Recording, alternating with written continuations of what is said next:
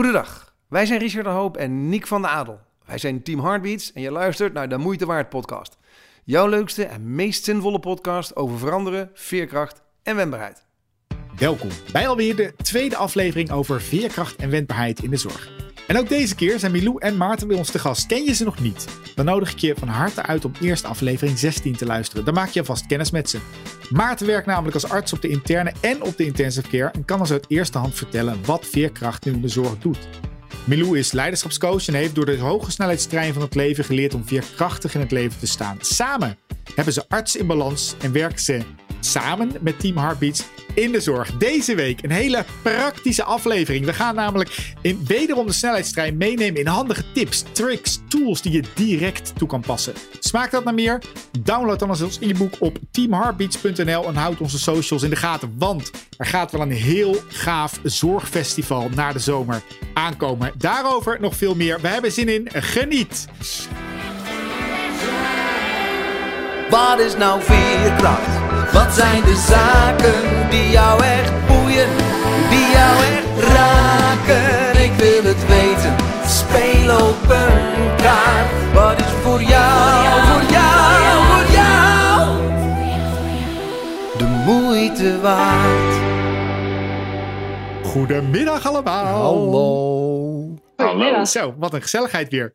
Ehm, ik verheug me wel op deze eh, aflevering. Want vorige keer hebben we ook zoveel lol gehad. En, en ja, zoals we in de voorbespreking al zeiden, we bereiden nooit zoveel voor. En laten ook maar gebeuren wat er gebeurt.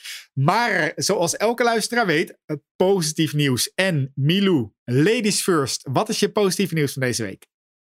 Ja, ehm, daar heb ik natuurlijk over nagedacht. Ik ontvang eh, binnenkort de oproep voor mijn vaccinatie. Daar heb ik gewoon zin in. Woehoe. En ik heb vooral heel veel zin om dan deze winter weer een mooie reis te maken.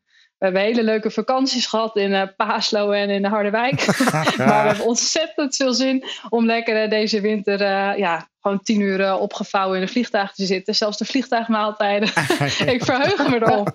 Dus, Die kan je eh, gewoon ja, bestellen, hè? zin in. Vliegtuigmaaltijd als je wil. Ja. Is dat ja, zo? ja, ja. ja. Geweldig. Wat weet jij- Ja. wat weet jij dan weer? Nou, geen idee Hey, en. Milou, een, een, een lief stemmetje heeft mij ingefluisterd dat morgen een hele bijzondere dag is. Bijzondere dag. Dan, dan? Ga je, Ben je morgen vrij? niet met eh, verlof? Zeker weten. Hey, ja. ja, Het is de- morgen met ja, verlof. ik, dus dat is heerlijk. ik weet alles. Ja. Ik weet alles. Nou, jij weet alles, dat weet Janine weet ah, alles. Dames en heren, is het is zo gemeen van hem. Hij heeft eh, een van de beste PA's eh, van, van de wereld, Janine, en die regelt dit. En dan gaat hij een beetje met de eer lopen strijken. Wat is dit? dat is wel waar. Dat is wel waar. Maarten, jouw positieve nieuws van deze week. Ja, ik ben eh, helemaal blij. eh, Het, het is minder groot nieuws dan de vorige keer natuurlijk. Maar Ja. helemaal blij dat het zomerse weer eh, is begonnen. En helemaal waar je mij nog extra blij mee maakt, is dat het volgende week weer gaat waaien. Dus ja, hopelijk met Milou en vrienden lekker kitesurfen op het strand. Heel veel zin in. Vet. Ja, en terecht. En terecht. Heerlijk. Nou, Ricardo, ga daar maar eens overheen. Ja, niet. Ehm, maar ik, nou, ik ga volgende week ook wel iets heel bijzonders doen. Eh, zoals ik zei, we zijn bezig met dat project voor de ouderenzorg in de toekomst. Dat dat moet veranderen. En we gaan volgende week de studio in. Want we hebben echt een super vette manier om te filmen. Eh, je moet je eigenlijk een beetje voorstellen, wordt een soort van hologrammen-achtig iets.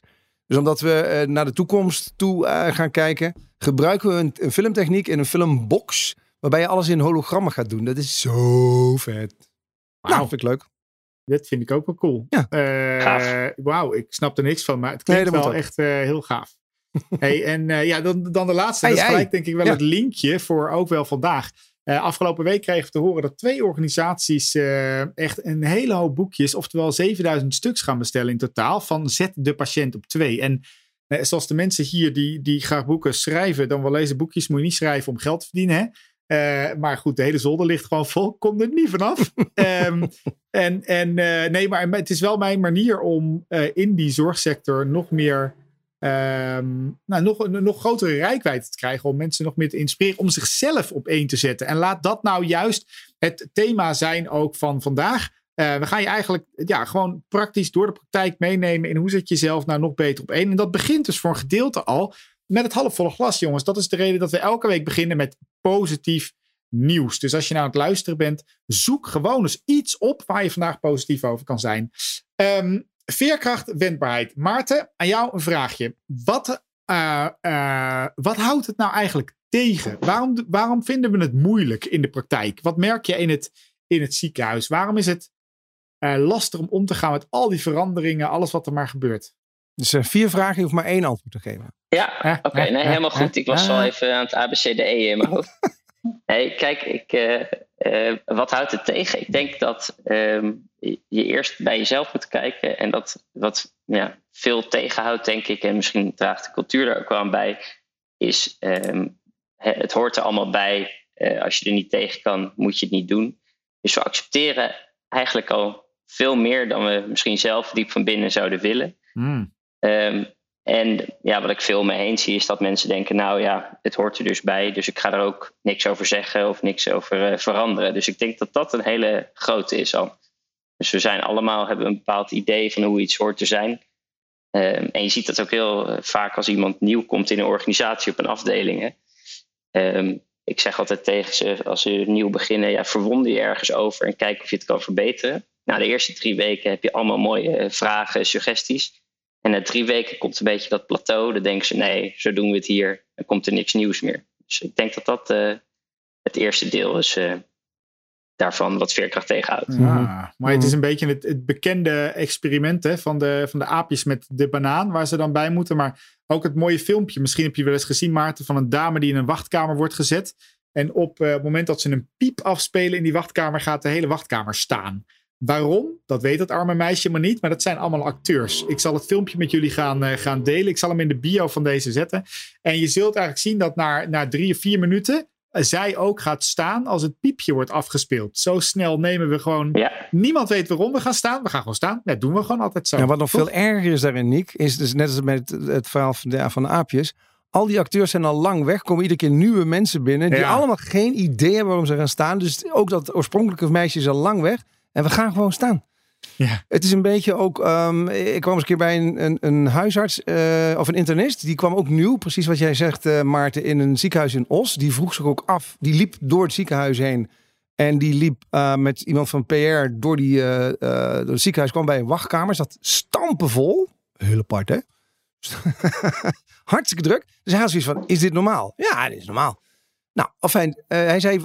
Toen heeft hij aan zijn, eh, eh, eh, zijn compagnons in de maatschap gevraagd: Ik wil twee weken of drie weken de tijd. Ik ga nog niks doen, maar ik wil uitzoeken. Want dit kan toch niet? Toen is hij gaan uitzoeken. En op een van de dingen waar hij achter kwam. was dat zij de afspraken om de 10 minuten of om het kwartier planden. Er zat gewoon een, een, een frequentie in. En is hij is eigenlijk gaan navragen: van ja, sommige patiënten heb je maar drie minuten, anderen heb je 20 minuten. Dus hoe kan het dat we altijd een kwartier pakken? En wat bleek nou na lang graven? Dat dat kwam doordat een van de eerste secretaresses ooit bij de lokale boekhandel een ehm, agenda had gekocht met een kwartierindeling. Fantastisch. Dit is dit, hè? En toen zijn ze het er- eruit gaan halen. En ze hebben de wachtlijsten weggekregen. En toen was het dus zo erg dat heel veel patiënten zeiden: Ja, dit is een kutziekenhuis. Want je kan zomaar naar binnen, weet je wel. Dat kan nooit goed zijn. Ja, maar ik bedoel, hey, hallo, hoe zitten wij in elkaar, man? Ja, geniaal verhaal. Ik vroeg me af waar die 10 minuten slots vandaan Ja, kwamen dat op de is- poli. dat Maar eh, is- nu snap Ja, ik het. nee, maar Ja, serieus. dat Onderzoekers voor de lol. Waar komt het in vredesnaam? Wie heeft dit bedacht? Hey, mooi eerste uitgangsprincipe. Jongens, ik hoor hier alweer een tussentijds tussenstip. Eh, eh, first month in. Ga eens kijken en verwonder je, zoals Maarten dat mooi zei. Eh, ben ik nog wel eventjes nieuwsgierig, eh Milou? We- eh, Want we gaan ons lekker focussen straks op, hè, wat kan je nou zelf doen? Vind jij, ehm, ik, ik gebruik wel eens het zinnetje, eh, een organisatie is geen peuterspeelzaal voor volwassenen. Moeten nou zorgorganisaties hier nog veel meer in faciliteren om het voor mensen mogelijk te maken om om te gaan met? Of zeg je van nee, de, de, de opdracht ligt nu echt wel bij de mens zelf? Ik denk dat het een combinatie is. Ik denk dat werken aan je persoonlijke veerkracht eh, makkelijker is als het gefaciliteerd wordt. En dat kan door een cultuur neer te zetten waarin dat eh, gestimuleerd wordt. Dat kan heel simpelweg door budget vrij te maken voor persoonlijk leiderschap of veerkracht. Ehm, en ik denk ook dat je het kan stimuleren door teams bijvoorbeeld daarin te ondersteunen om veerkrachtiger met elkaar te worden. En verandering is in principe natuurlijk heel eng. Ehm, en, en groei is moeilijk. Dus ja, het is comfortabeler om niet te veranderen. Dus ik denk dat het een, een wisselwerking is tussen de cultuur die je neerzet, dat is wat abstracte natuurlijk, maar wel ook stimuleren dat ieder individu daar zelf mee aan de slag gaat. Ja. Wat ik wel boeiend ook eh, in jouw situatie vind, hè, je noemt nou even ook die cultuur, maar jij zit met twee benen, of met twee benen, één been zit je bijvoorbeeld bij, bij Coolblue, hè, dat is een hele ja. Nou, uh, wendbare organisatie, lijkt mij. En aan de andere Zeker. kant kom je in veel in, in, in, in ziekenhuizen. Wat zijn nou echt voor jou essentiële verschillen dan? Ja, de cultuur. Ja, en dan wat? Uh, ja, um... Als we nou drie dingen eruit halen. Precies. Hmm, nou, er schiet me in ieder geval één te binnen. Dat is de wil om te veranderen en om flexibel te willen blijven. Mhm. Ik denk dat dat een hele belangrijke is. Uh, ik denk eerlijk gezegd niet dat het per se zit in de mensen die daar zitten. Want een cultuur wordt natuurlijk gevormd door heel veel mensen. Maar ik spreek heel veel uh, individuen. En eigenlijk denk ik dat uh, met name de mensen die er zitten bij Coolblue, maar ook in ziekenhuizen, dat die eigenlijk allemaal wel willen. Mm. alleen dat dus zeg maar het grotere geheel het niet stimuleert. Mm. ja, dus ik denk dat het begint bij, bij de wil om te veranderen en om flexibel te willen blijven. Ja. ja. ja. Ik, ik weet nog wel, ik lag, uh, ik denk anderhalf jaar geleden werd ik met de septis, het wordt gewoon bij die dwarslezing, werd ik opgenomen in het uh, Tergooi ziekenhuis hier in uh, Blaricum. En daar hadden ze, kwam ik dan binnen op de SCH altijd. En is voor mij altijd spannend, want dan moet ik of blijven of ik mag naar huis. Het ligt er een klein beetje aan, zeg maar, wat mijn bloed zegt. En, en toen lag ik daar op de SCH en dan moest ik blijven. En dat is nog één plekje vrij op de afdeling geriatrie. Ik denk, fuck, hè, heb ik dat. dus daar mocht ik lekker een nachtje blijven. Dus ik lig ja, op die ik was nou net weg. Dat was, ja, ja, ja, ja, ik had het bed van jou vrij. en dus ik lig daar een nachtje zagrijnig zijn. En dan verrek ik echt van de pijn. Hè. Dus het is helemaal niet... En dan lig ik zo nog op een afdeling waar ik de meest wonderbaarlijke... Laat ik, laat ik in, de, in de termen van Maarten blijf spreken. Waar ik me verwonder, zeg maar, over...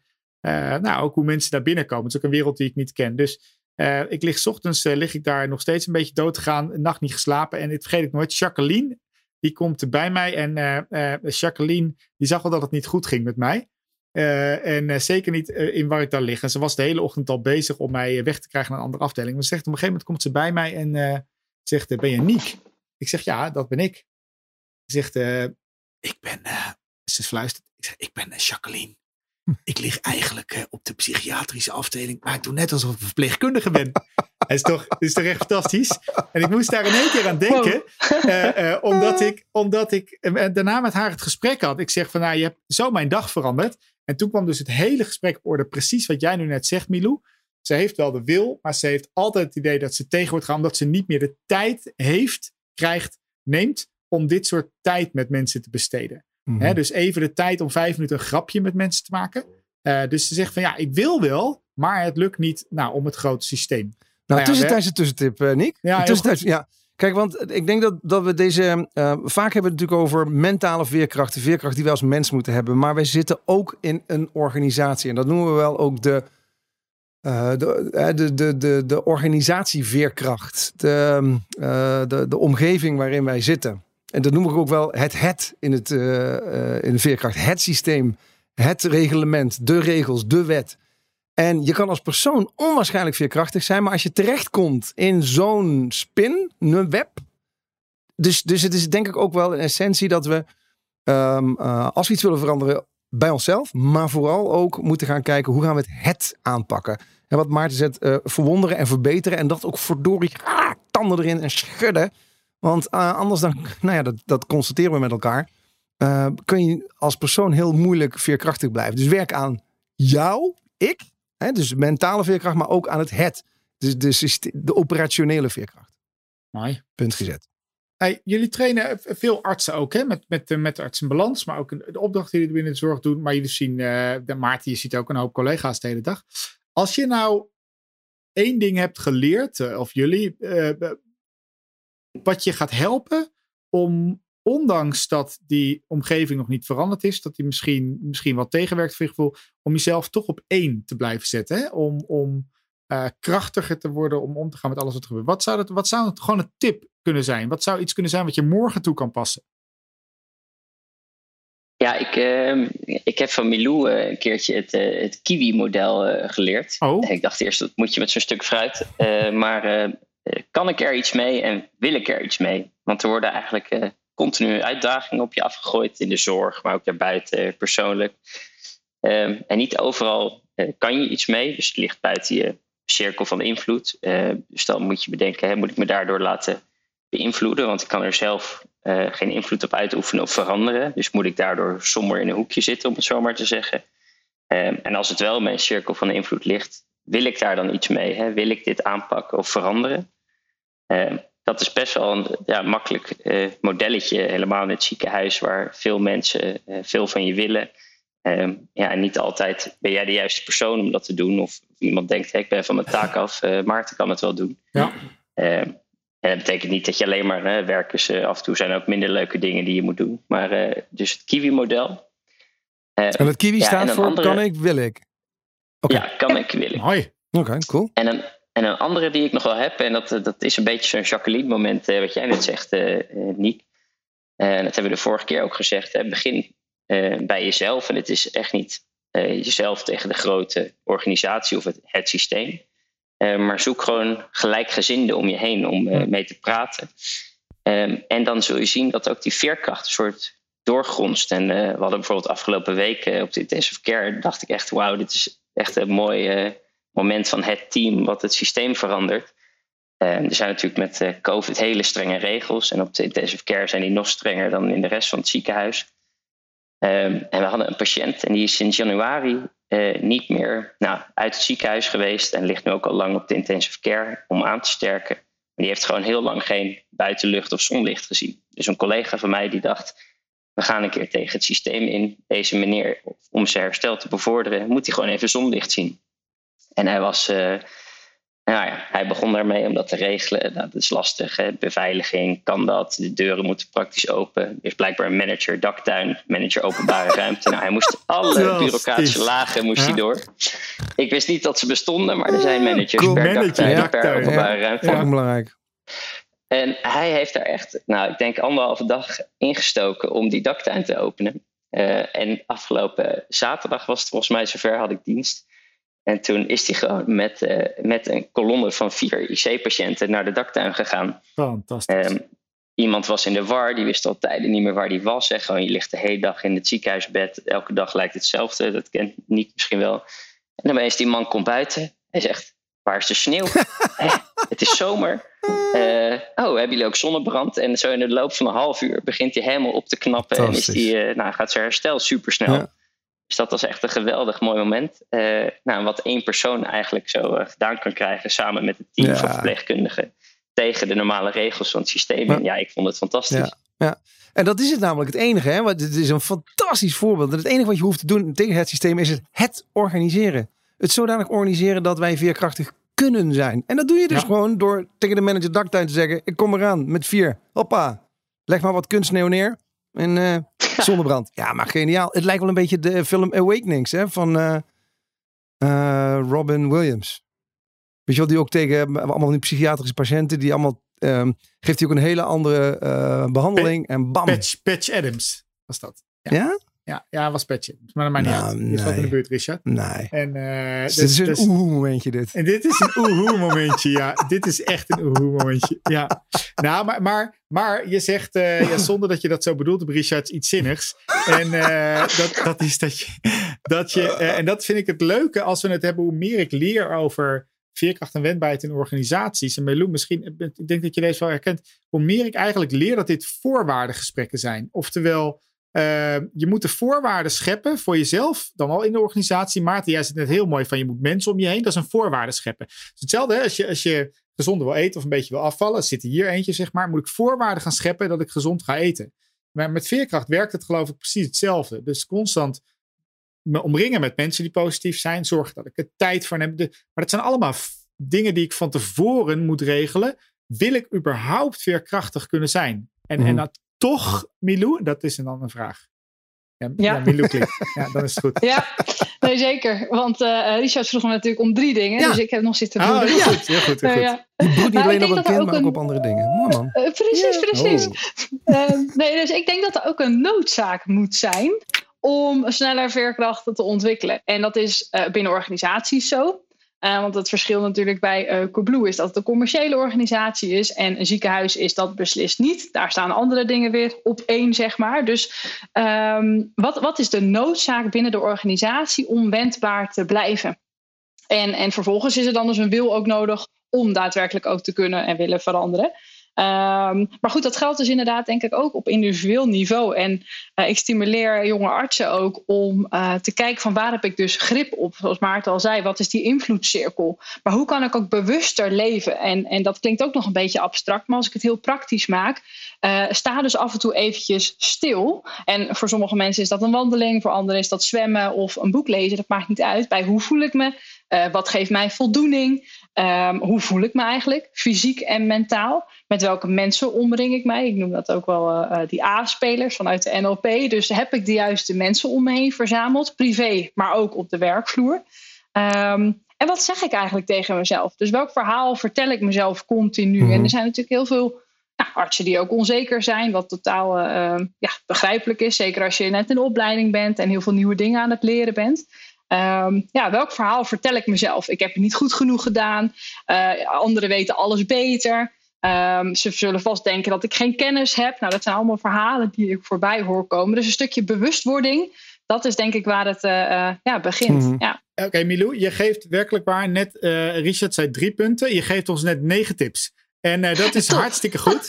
En voor nou, iedereen mooi. die nu te luisteren denkt, daar komt commerciële Niek. Dat klopt. Als je nou net wil weten wat Milou allemaal heeft gezegd, jongens, download alsjeblieft het e-book. Waarom? Omdat je nu net het Resilience Model eigenlijk samenvat. Hè? Dus dat is niet alleen zingeving, maar ook uh, positive emotions. Welke taal spreek je tegen jezelf? Maarten heeft al heel mooi uh, je social support, hè? je sociale omgeving benoemd. Je copingmechanismes. En je noemde net ook heel veel mooi, Milou, je fysieke gesteldheid. Hè? Dus hoe goed rust je eigenlijk? Hoe goed ben je nog in niksen? En, en ja, als, kijk, zorgmedewerkers zijn, zijn hele mooie gepassioneerde mensen. Maar als er een doelgroep bestaat die slecht is in niksen, dan is het wel een zorgmedewerker. Maar die gaat gewoon doen, in de actie. Doen, doen, doen, doen. Zorg voor de ander. En als de hele wereld op jou lijkt te steunen, op wie kan jij dan leunen? Is het zinnetje wat ik natuurlijk vaak in gebruik. Maar dat is er wel eentje die misschien klopt. Um, ja. Maar, maar ja, hele mooie punten. En nog even de, even de, uh, de verdieping daarin. Dus je bent helemaal volgeblokt de hele dag. Uh, want ja. ik vind rust nemen vind ik echt een, echt een mooi, uh, mooi onderwerp. Maar hoe neem je in hemelsnaam rust als je de hele dag volgeblokt staat en er toch nog ja. even een patiënt om de hoek komt kijken, die, ja, of een mantelzorger of een familielid die zegt: Ja, kan je dat nou niet even voor me doen? Want dat is wat er de hele ja. dag gebeurt. Toch? Dus, dus de, ja, die tijd heb je dan toch helemaal niet? Nee, en toch denk ik, en Maarten kan me vast aanvullen, want die doet dat ook in de praktijk, maar dat je altijd kan kijken waar kan ik wel invloed op uitoefenen, waar heb ik wel grip op. Uh, eet ik achter mijn laptop of ga ik toch even 10 minuten een boterham in een andere omgeving uh, eten?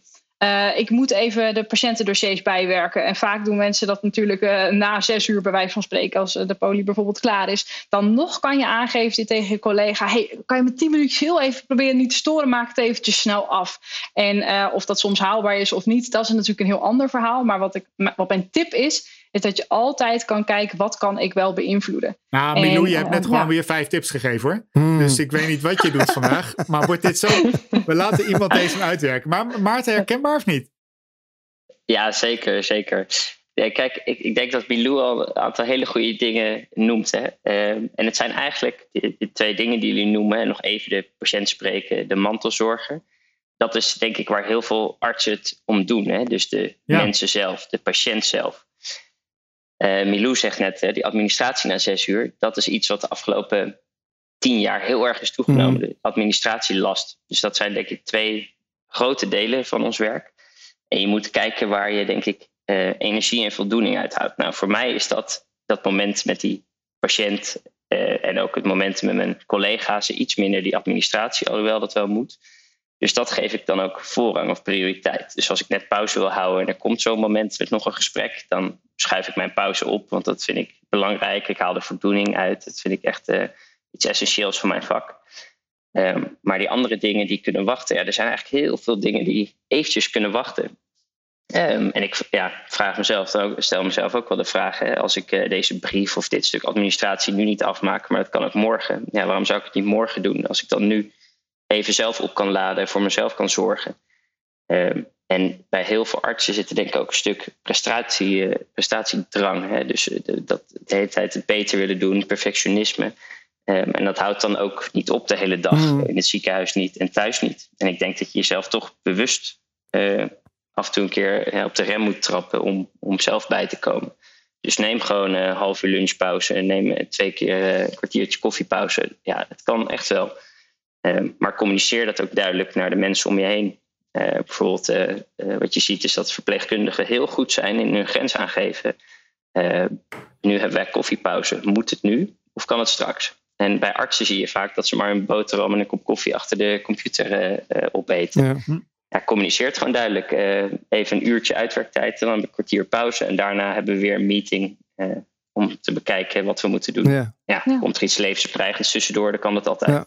Ja. Hoe is het? Zegt Eermar de Hoop van de, de voorzitter van de VNV, die zegt dat toch altijd. Zo van uh, mediteer iedere dag een uur. Tenzij je het heel druk hebt, twee uur.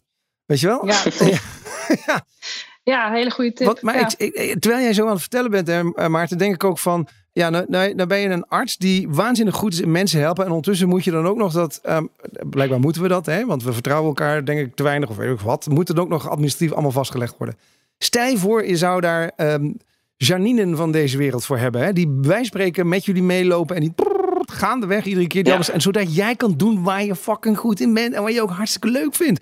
En dan doet die Janine ook precies waar ze heel fucking goed in is. Wat ze ook heel erg leuk vindt. Waarom organiseren we het niet zo? Ja, het is, uh, dat is wel een mooi punt. Het is, uh, in een aantal ziekenhuizen hebben ze dat uh, ge geprobeerd. Of een pilot gehad met medical scribes. Volgens mij in Dordrecht, zeg ik uit mijn hoofd. Hmm. Um, dat er medische studenten die al bijna klaar waren met een opleiding... meeliepen met de visites en op de spoedeisende hulp om alles op te schrijven.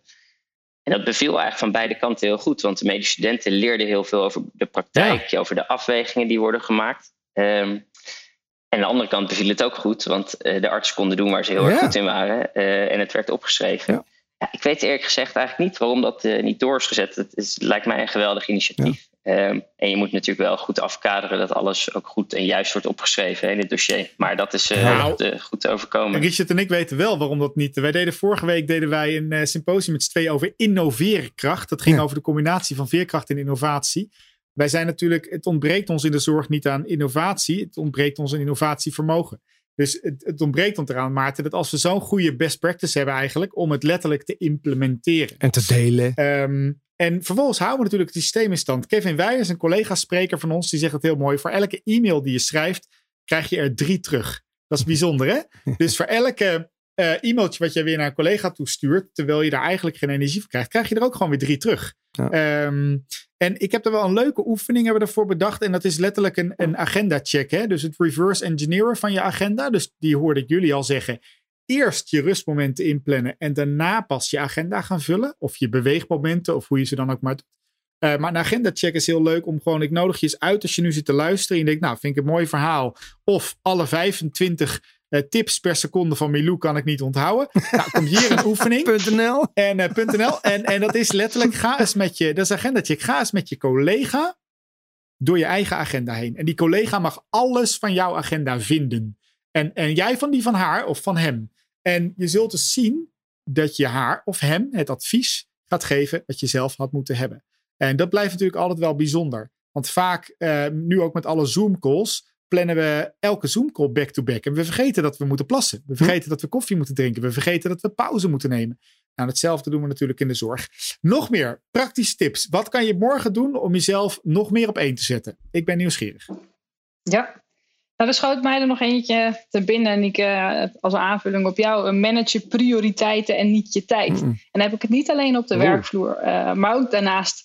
Dus begin op zondagavond. Gisteren had ik nog een coachgesprek met iemand en we hebben afgesproken met elkaar. Op zondagavond plan jij je sportmomenten alvast in. Ja. En sommige zet je vast en sommige laat je juist spontaan zijn. Want diegene vond het ook heel lekker om spontaan te gaan sporten. Dus manage eerst die prioriteiten en koppel er vervolgens een tijd aan, wel of niet. Maar eigenlijk maakt dat niet zo heel veel uit. Um, want ook al zit die agenda overdag back-to-back -back helemaal vol, daar hebben we het net natuurlijk over gehad, dan nog steeds ben jij zelf een karttrekker van je privéagenda. Ja. Dus ga je dan sporten of, of ga je verdoven of, of even nog meer prikkels opzoeken, terwijl je eigenlijk behoefte hebt aan, aan een wandeling bijvoorbeeld in de natuur.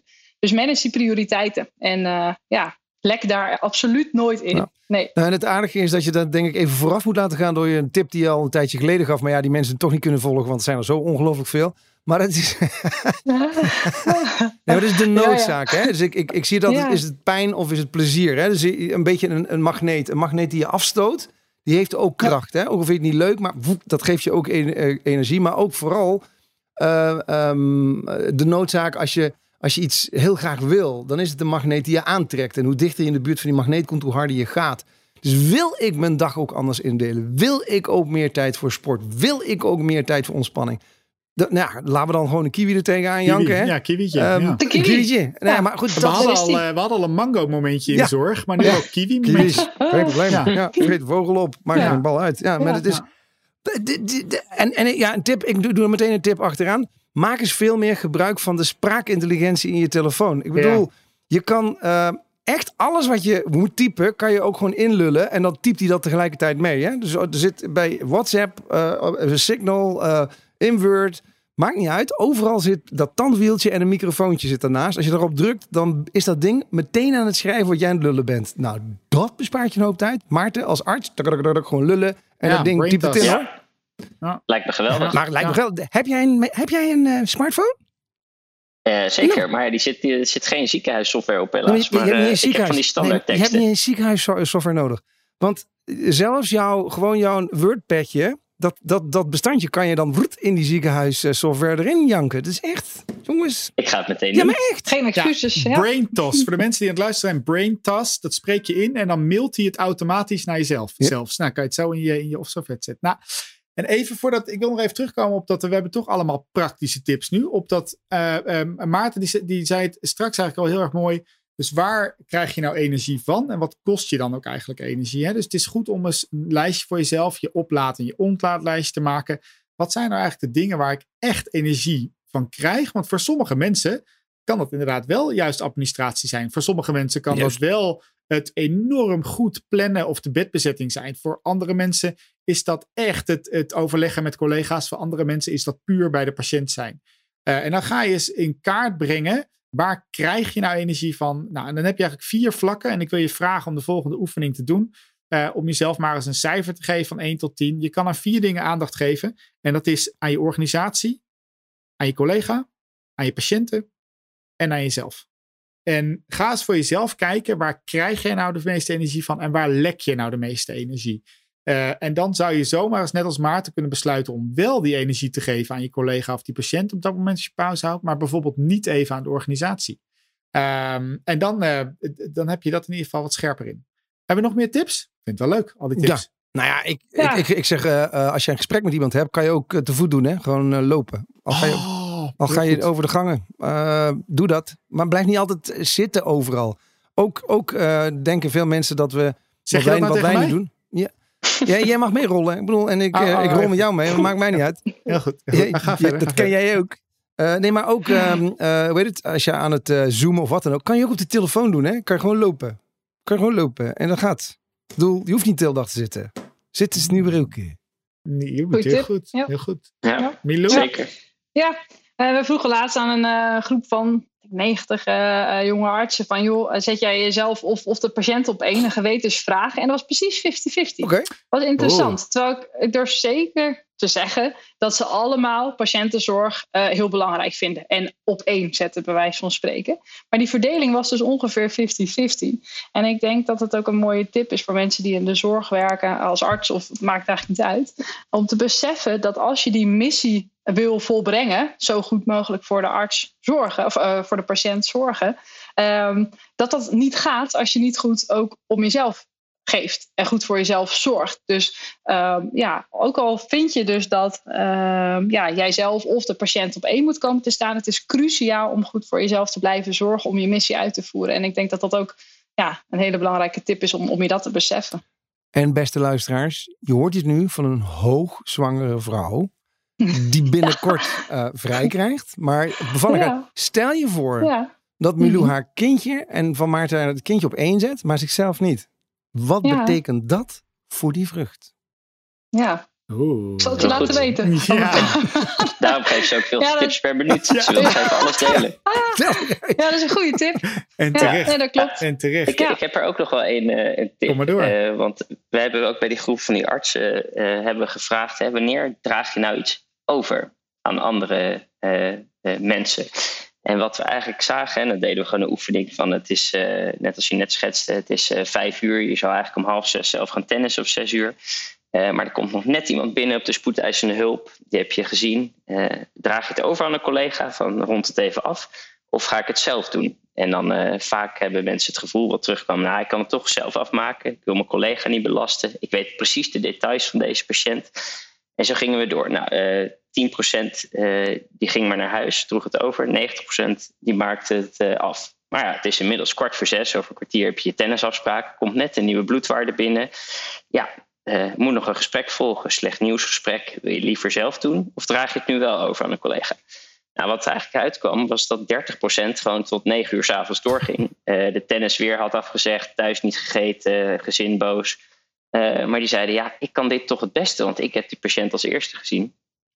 Ehm, en ik denk dat je ook veel vertrouwen moet hebben in de kwaliteiten van je collega's. En dat je ook goed op je eigen batterij eh, eh, moet letten. Ehm, en dat het niet werkbaar is om elke avond zo door te gaan tot 9 uur, terwijl je dienst om 5 uur erop zit. Dus let daarin ook op jezelf. Je kan echt wel taken overdragen. En je hebt ook hele mooie overdrachtstructuren om te zorgen dat er geen informatie verloren gaat. Ehm, en zo zorg je denk ik het beste voor de patiënt, maar ook voor jezelf.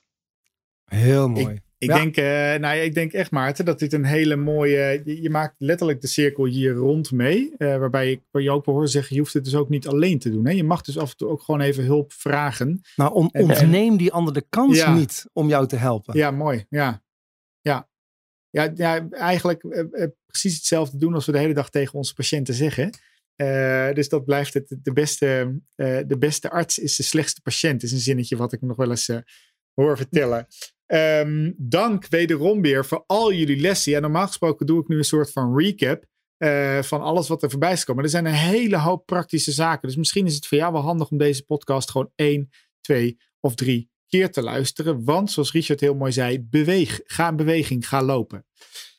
Wist jij dat wij ook podcast maken voor de zorg binnen jouw organisatie? Wist jij dat we energizers geven binnen de zorg? Wist jij dat we net een heel spectaculair zorgwebinar op hebben genomen? En dat je die gewoon terug kan kijken.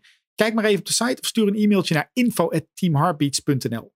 Nog meer weten? Volgende week gaan we weer in gesprek met nieuwe gasten, met nieuwe onderwerpen, vol oefeningen, tips en tricks. Voor nu dank voor het luisteren en tot heel snel. Maarten Milou, Richard, dankjewel. Jullie Ciao, bedankt. ciao allemaal. Eh, jongens, geniet ervan. Lekker kitesurfen. En jij van je verloffen, Milou. Ja, veel plezier. Doei, Ja, dank je.